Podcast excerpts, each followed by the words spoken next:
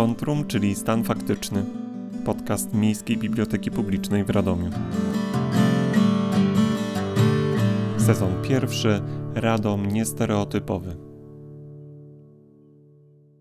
Szanowni Państwo, zapraszam na wyjątkowy odcinek bibliotecznych podcastów Skontrum, czyli Stan Faktyczny, tak nazywa się nasz podcast. Jesteśmy pomiędzy pierwszym sezonem a drugim, a naszą gościnią dzisiejszej rozmowy jest pani Agnieszka Jeronek. Dzień dobry. Witam serdecznie, dzień dobry. Pani Agnieszka, jak e, zapewne Państwo wiecie, jest przede wszystkim radomianką i laureatką Nagrody Literackiej Miasta Radomia. I to jest e, główny powód, dla którego pozwoliłem sobie zaprosić e, Panią Agnieszkę do rozmowy, no ale nie jedyny. Ponieważ tak się złożyło, że nie mogła być Pani na gali wręczenia Nagrody Literackiej, która odbyła się pod koniec ubiegłego roku, to pozwoliłem sobie trochę głębiej porozmawiać też o tych emocjach, które pani towarzyszyły po tym, jak już się pani dowiedziała o tym, że wygrała pani w kategorii książka literacka za książkę Koniec świata, umyj okna.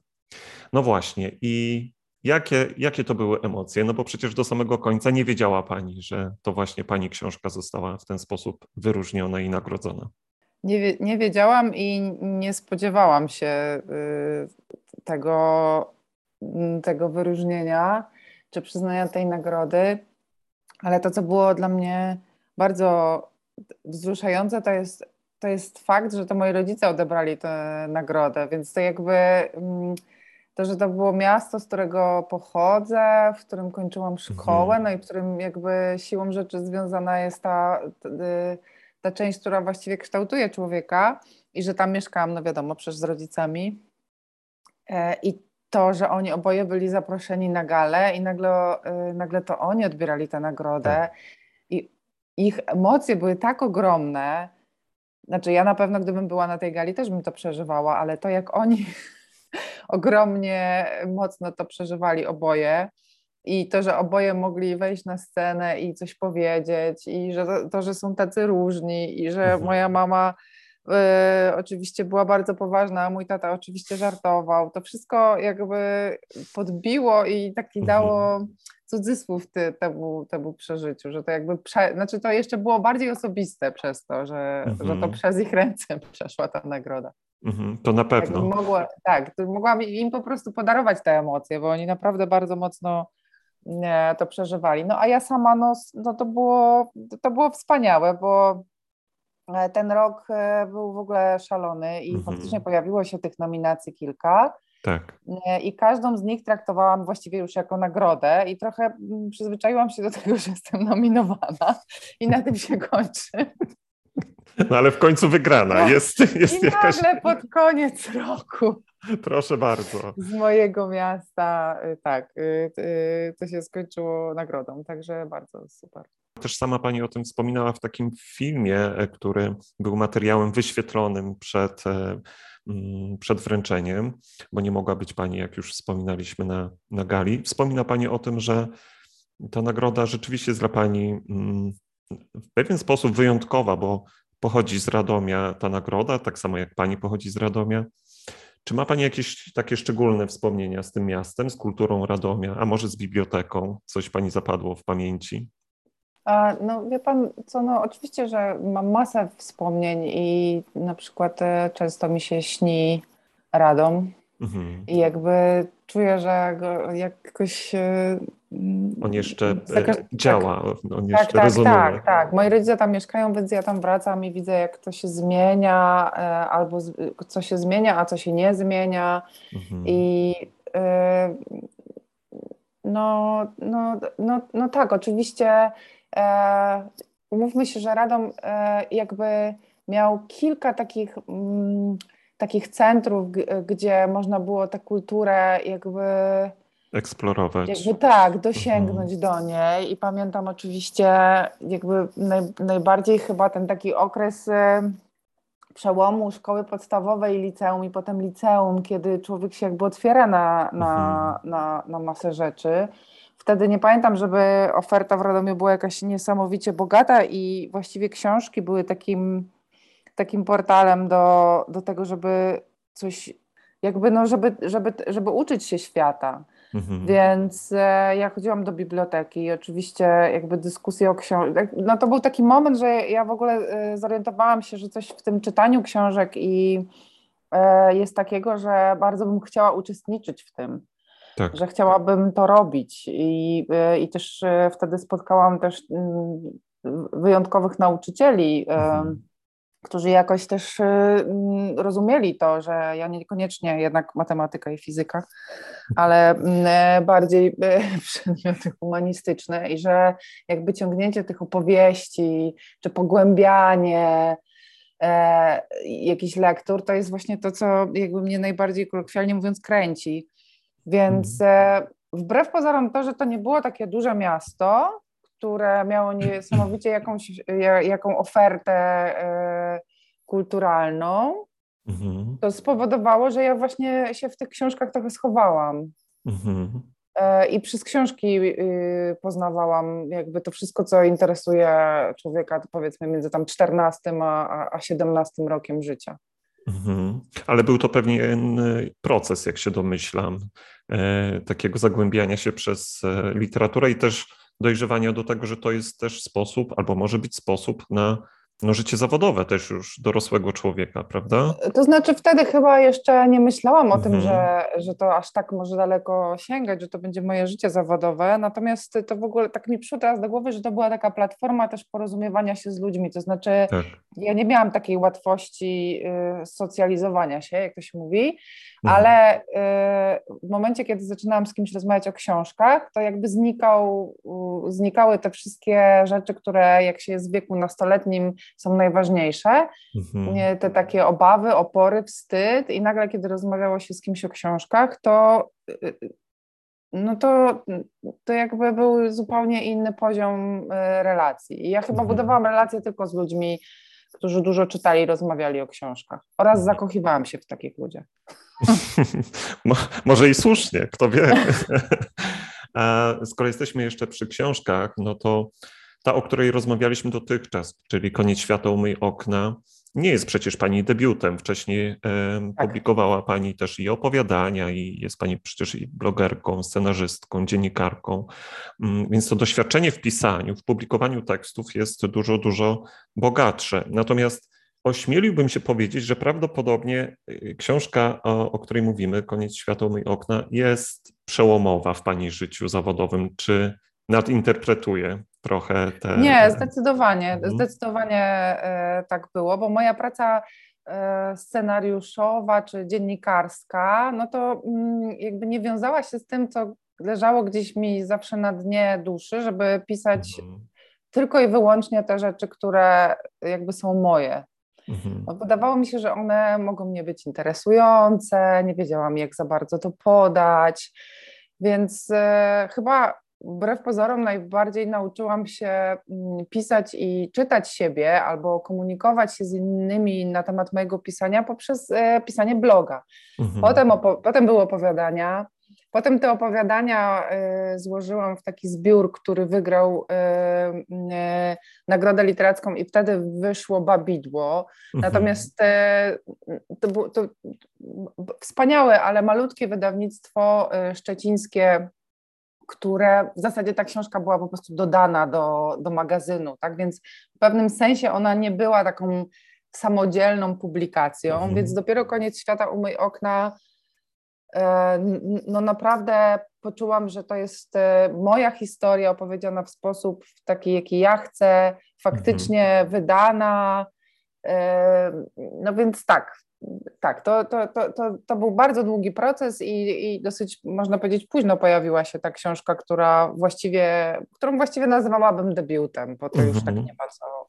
Też ośmieliłbym się e, tak o niej myśleć, a skoro jesteśmy przy wydawnictwie, bo już Pani o nim wspomniała, zresztą w tym filmie, który zapowiadał Pani nominację podczas gali, też Pani o tym mówi, że dobór wydawnictwa był dla Pani również bardzo istotny. I to nie jest przypadkowe przecież miejsce, w którym wydała Pani książkę. Z drugiej strony jest e, to wydawnictwo takie niszowe w takim sensie, że nie z tej bardziej popularnej półki, prawda? Wydawnictwo Cyranka. Tak. A, ale jak przyjrzałem sobie ich książki wydane w ostatnim roku, to to jest niesamowite, bo, bo, bo są tu książki, które e, na mojej liście, mm, top, nie wiem, pięć, no są wszystkie. Okazuje się, że są to e, właśnie książki z Cyranki. Co jest wspaniałe, że są takie wydawnictwa jak Cyranka, jak Nisza i wiele, wiele innych. Mm, zastanawiam się, na ile rzeczywiście było to dla Pani istotne i w jaki, jak wyglądał ten proces doboru wydawcy? Czy to uderzała Pani do wielu drzwi, czy to był taki strzał, który okazał się strzałem w dziesiątkę?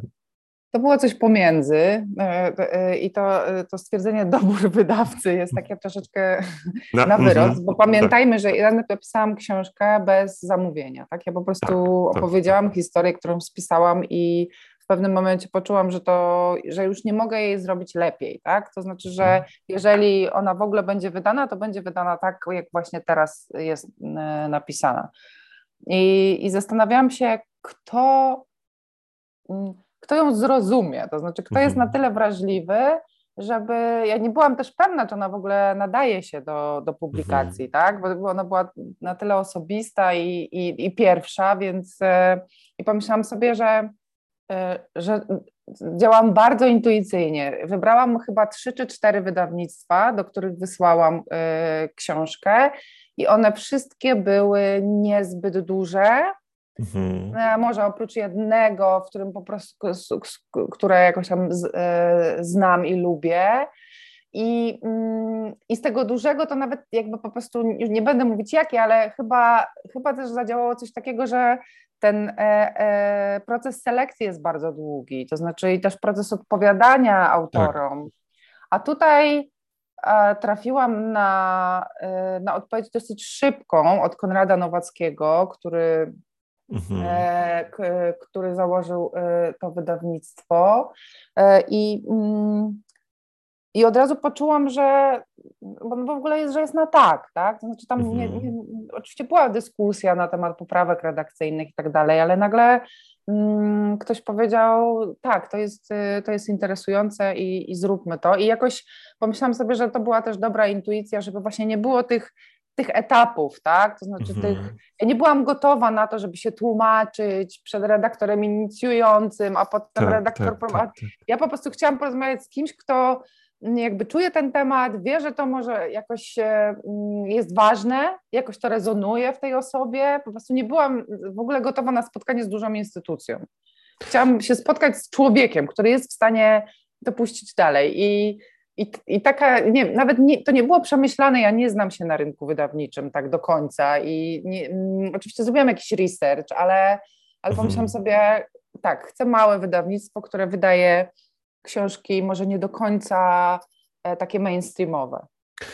Ja nie bez powodu też o to dopytuję, bo tak sobie wyobrażam, tak sobie to tłumaczę, że to przecież jest bardzo, czy był dość trudny mm, temat, nieoczywisty może tak dla wydawców, bo, bo ja nie znam innej książki literackiej, bo to też trzeba podkreślić. To nie jest poradnik, to nie jest książka medyczna, ale to jest książka napisana pięknym językiem literackim i w tej kategorii przecież otrzymała Pani nagrodę, e, e, o której wspominaliśmy, która mówi o, o lęku, o atakach paniki. Przecież to nie jest temat, o którym się czyta w, e, często, prawda, w literaturze pięknej. Mhm. Więc no tak, ale ja... Mhm. myślę sobie, że dla wydawcy to też był mm, z jednej strony mm, interesujący kąsek, w takim sensie, że że, że coś nowego, e, ale też na tyle niepopularnego, że to, to był taki nieoczywisty wybór, e, co okazuje się jest jednak potrzebne e, czytelnikom. Myślę, że Konrad ma, widząc po tym, co Cyranka wydaje, jakąś tak. niesamowitą intuicję. Niesamowitą, to prawda. Tak, bo nawet mm, czy książki Doroty Kotas, czy mhm. Łukasz Barysk, nominowany Objawienie, teraz. Tak, tak, totalnie. E, mm, że, że to są ludzie, którzy nie mają żadnej ugruntowanej pozycji. Y, to są właściwie debiutanci tak. E, z jakąś taką niesamowitą sprawnością językową i wrażliwością. Mm, e, z tego co wiem, wydawnictwo Cyranka postawiło na również na To znaczy, obaliło taki mit, który, który, który ja jeszcze wierzyłam, czy też jakoś byłam w nim wychowana, że jednak prawdziwa książka literacka to nie jest książka autobiograficzna. Że mhm. prawda, książkę o sobie to każdy potrafi napisać, a y, prawdziwa książka literacka to jednak są wątki, bohaterowie i, i nie jest to pisane w pierwszej osobie. Gdzieś coś takiego pokutuje. Natomiast trochę nasze doświadczenie czytelnicze, moje doświadczenie czytelnicze pokazywało, że jest wręcz odwrotnie. Znaczy ja uwielbiam książki, które są oparte, które są szczere, jakieś takie rozliczające, oparte na doświadczeniach mhm. autorów. Trudno mi jest oddzielić osobę autora czasami od, e, od narratora. Ja to lubię i ja tak. lubię takie książki. Więc ja na, trochę Mm, trochę też taką książkę napisałam, więc y, nagle okazuje się, że, że wydawnictwo Cyrenka właśnie takimi książkami jest zainteresowane. Mhm. E, literackimi, nie reportażowymi, ale gdzieś zakorzenionymi w, w własnym doświadczeniu.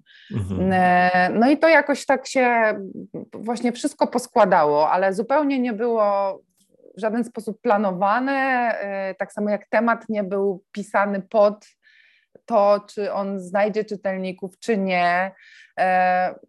Ja też nie znam innej książki, która by na ten temat e, mówiła, chociaż jest dużo książek, które mówią w ogóle o depresji albo o tak. jakichś zaburzeniach psychicznych.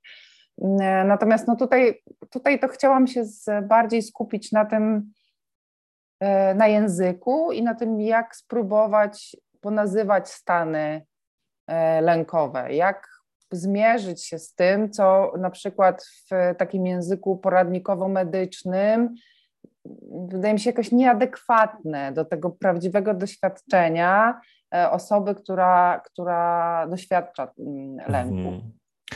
Myślę sobie, że to było karkołomne e, zadanie, które oczywiście się udało, e, bo, bo inaczej byśmy przecież o tym nie rozmawiali i nie byłoby tylu nominacji i też nagród.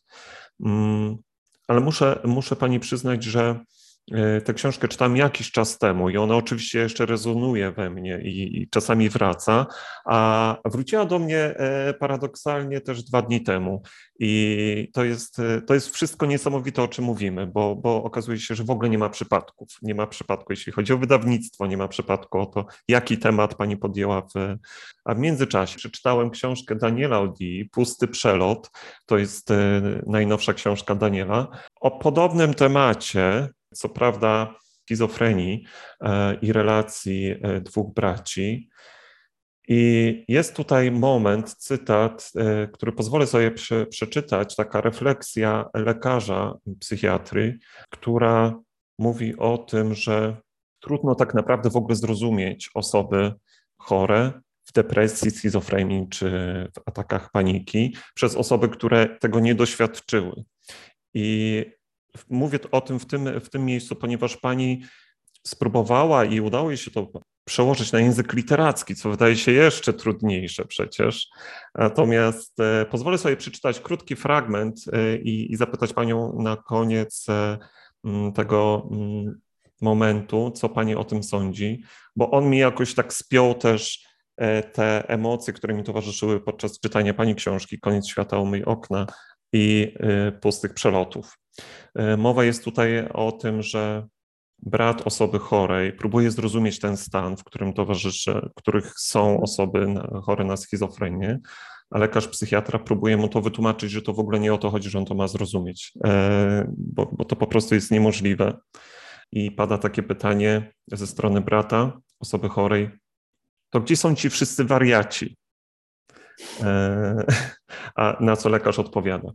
Nie ma ich w naszych szpitalach. Do nas przychodzą po prostu chorzy ludzie, którzy potrzebują pomocy. Choroba izoluje ze społeczeństwa. Nie ma co się dziwić, skoro to, co dzieje się wewnątrz nich, jest dużo ważniejsze od tego, co dzieje się wokół. Z kolei prawdziwi wariaci żywią się społeczeństwem i bez niego nie są w stanie zaistnieć. Są całkowicie zanurzeni w rzeczywistości i praktycznie pozbawieni zdolności refleksji, bo brakuje im na to czasu. Cały intelekt i energię wydatkują na walkę o władzę nad nimi i próby ujarzmienia rzeczywistości, by skakała pod ich dyktando. Prawdziwi wariaci są wśród nas i nami rządzą. to oni wywołują wojny, oni są odpowiedzialni za religijne podziały, czystki etniczne, morderstwa. To przez nich cierpią miliony.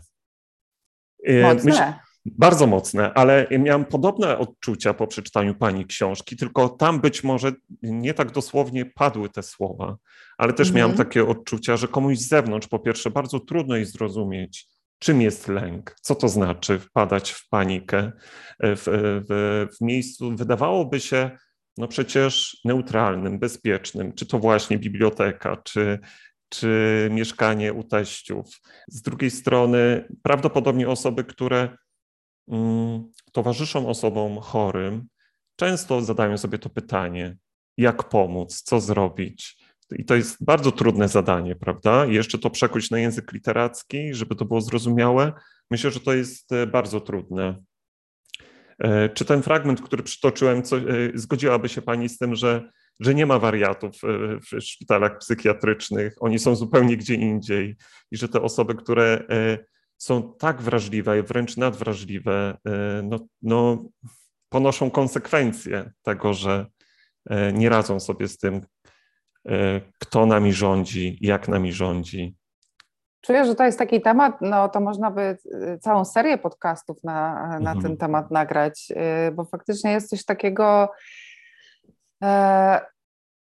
jest coś takiego, że jak człowiek zacznie się zastanawiać, trochę, no ja mam bardziej takie wrażenie, że to świat zwariował, tak? Nie mhm. ja, tak. Mm, nie te osoby, które są wrażliwe, tylko przy tym, jak wygląda ten przepływ informacji, teraz co w ogóle się dzieje na zewnątrz, to trzeba być wariatem, żeby nie, jakby nie czuć się źle czasami. Mhm. Mm, więc trzeba być na, mm, jak to sobie mówimy, y, z, ze znajomymi, niezłym wyparciu, żeby, żeby udawać, że wszystko jest w porządku ze światem.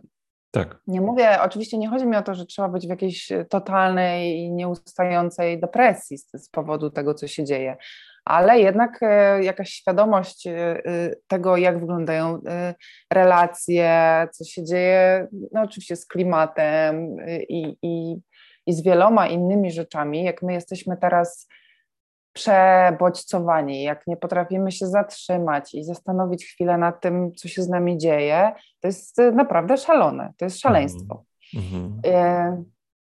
I dru a druga rzecz, która, mi, mm, która mnie uderzyła w tym fragmencie, to faktycznie takie to, to nazwanie e, ludzi chorych, że są wyobcowani i skupieni na sobie, ponieważ dla osoby chorej cierpienie, którego doświadcza, jest tak silne, że nie jest w stanie e, zajmować się niczym innym. Mhm. To często jest też powodem ataku, na przykład z zewnątrz, bo te osoby są postrzegane jako jakoś skoncentrowane na sobie, może tak, bardziej, tak, tak. albo za bardzo. Przecież nic takiego się nie dzieje.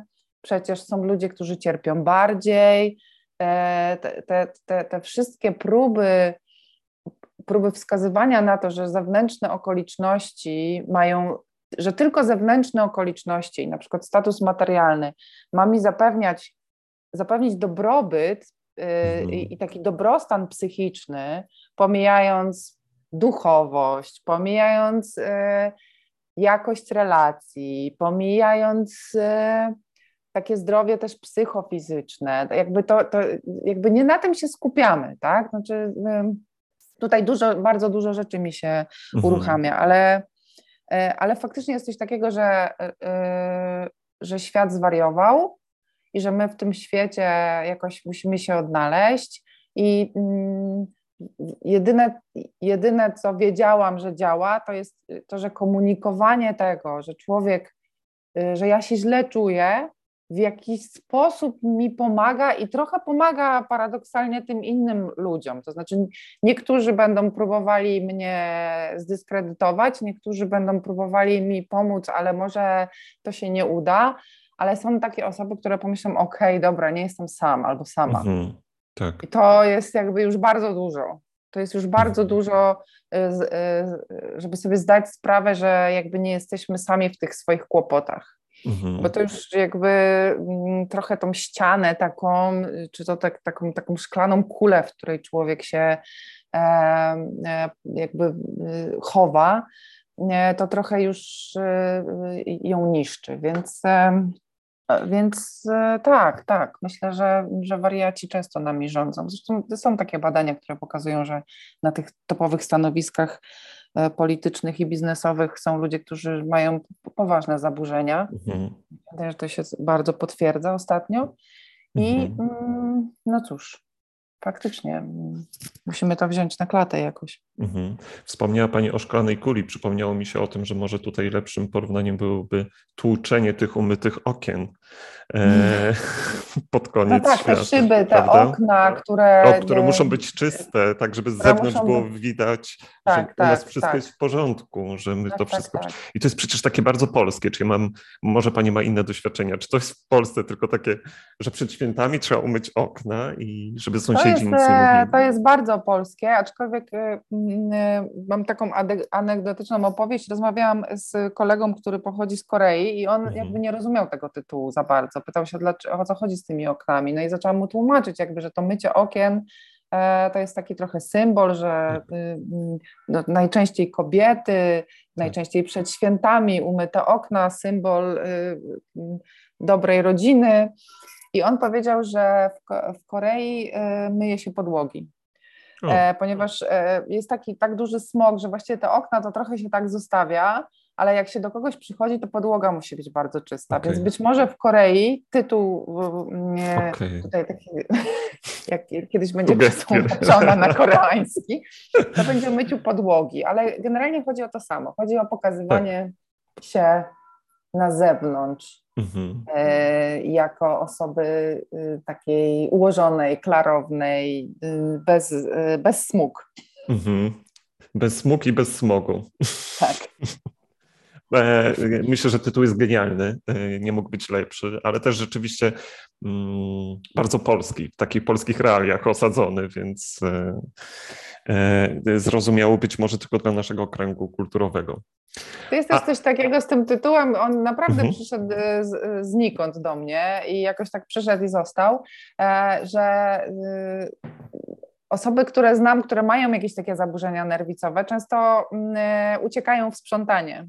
Mhm. Znaczy sprzątanie pomaga uporządkować trochę, tak jakby ten chaos na zewnątrz, ten brud na zewnątrz symbolizował, przenosił się trochę na to, co mamy w środku. I wydaje nam się, że jak posprzątamy, na zewnątrz, umyjemy okna, e, to wtedy w środku też nam się ułoży, więc mhm. tutaj jakoś fajnie mi się to nałożyło, dużo tych takich znaczeń, które można sobie tutaj odczytywać. Mhm.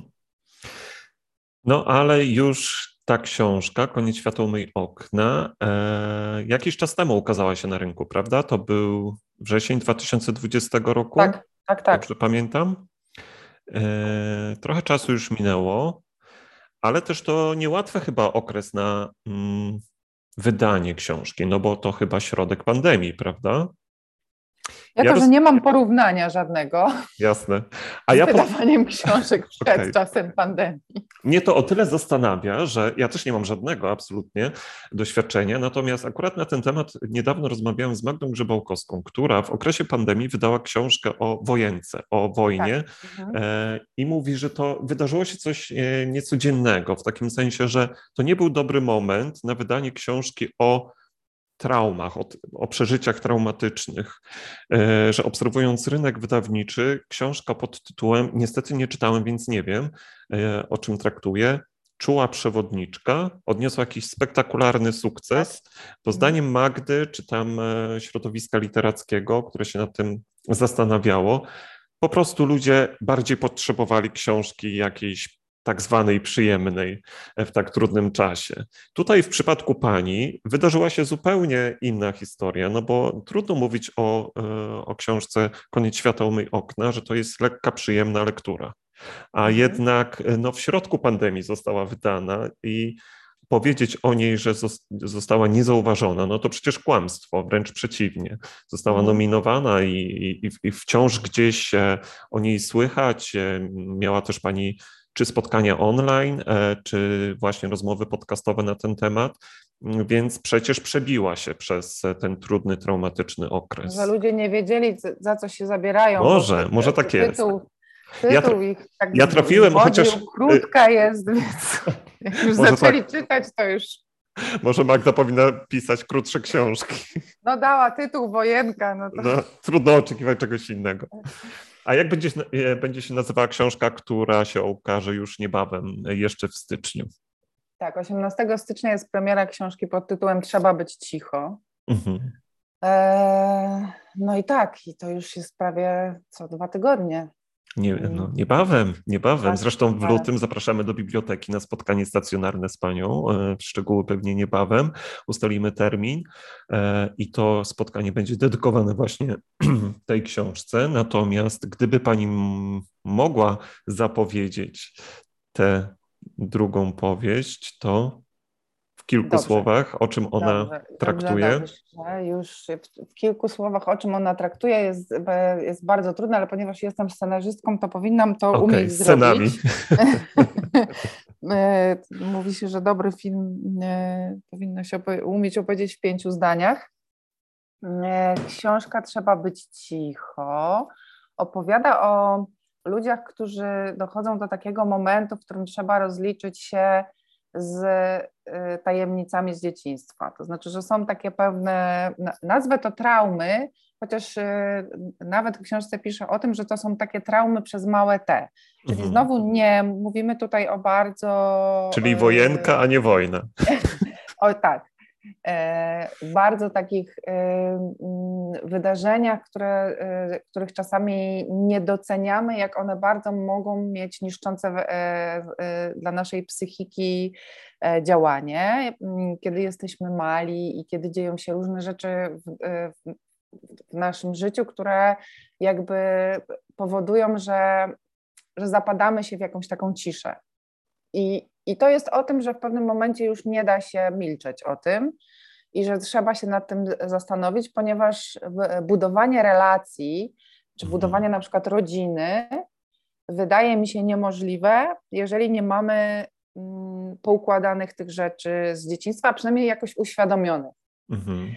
E, I to jest tematem przewodnim y, książki, a historia jest o, o małżeństwie, które które wyprowadza się z miasta e, na wieś i mm, trochę przez przypadek zamieszkuje też z nimi e, przyjaciółka głównej bohaterki i robi się taki dziwny trójkąt tam na tej wsi. Mhm. I tutaj przestanę. Okej, okay. okay. więcej pewnie się dowiemy też e, w trakcie spotkania, a wcześniej będzie już okazja przecież kupić książkę i ją przeczytać. Okładka jest świetna, zresztą wydawnictwo ma e, doskonałych e, grafików, nie wiem jak nazwać to tak. osoby, grafików, prawda, za tak, tak, tak, tak. odpowiedzialnych za mhm. Okładki, bo i w pierwszym i w drugim przypadku mm, naprawdę są świetne, jeśli mówimy o Pani książkach, a cała reszta jest również e, bardzo dobrze zaprojektowana. E, no cóż, Pani Agnieszko, dzisiaj pewnie już na tym zakończymy naszą rozmowę. Bardzo Pani dziękuję za przyjęcie zaproszenia. Widzimy się w bibliotece. Ja również dziękuję. Chciałam, chciałam powiedzieć, że, że mi Pan nie, nie powiedział, że będzie to tylko podcast i ubrałam swój najlepszy golfik. Ale ja mam pomysł na to. I mam kolczyki i już nie mogę się doczekać, aż się spotkamy, żebym mogła po prostu się jakby przygotować. Mam na to pomysł. Co prawda podcast tylko w wersji audio, ale za chwilę zrobimy print screena z naszej rozmowy Dobrze. i to będzie materiał do promocji tego, tak tego odcinka. Nie możemy zmarnować tak pięknych kolczyków, makijażu e, i tak dalej, więc wykorzystamy. No nie wiem, czy nie roz rozbuchaliśmy oczekiwań ponad miarę, ale dobrze, nie, nie, jest, jest słowa świetnie. się rzekło. Tak jest. Bardzo dziękuję. E, kończę nagrywanie, ale my jeszcze dokończymy rozmowę. Dzięki wielkie. Dobra, dziękuję pięknie, pozdrawiam.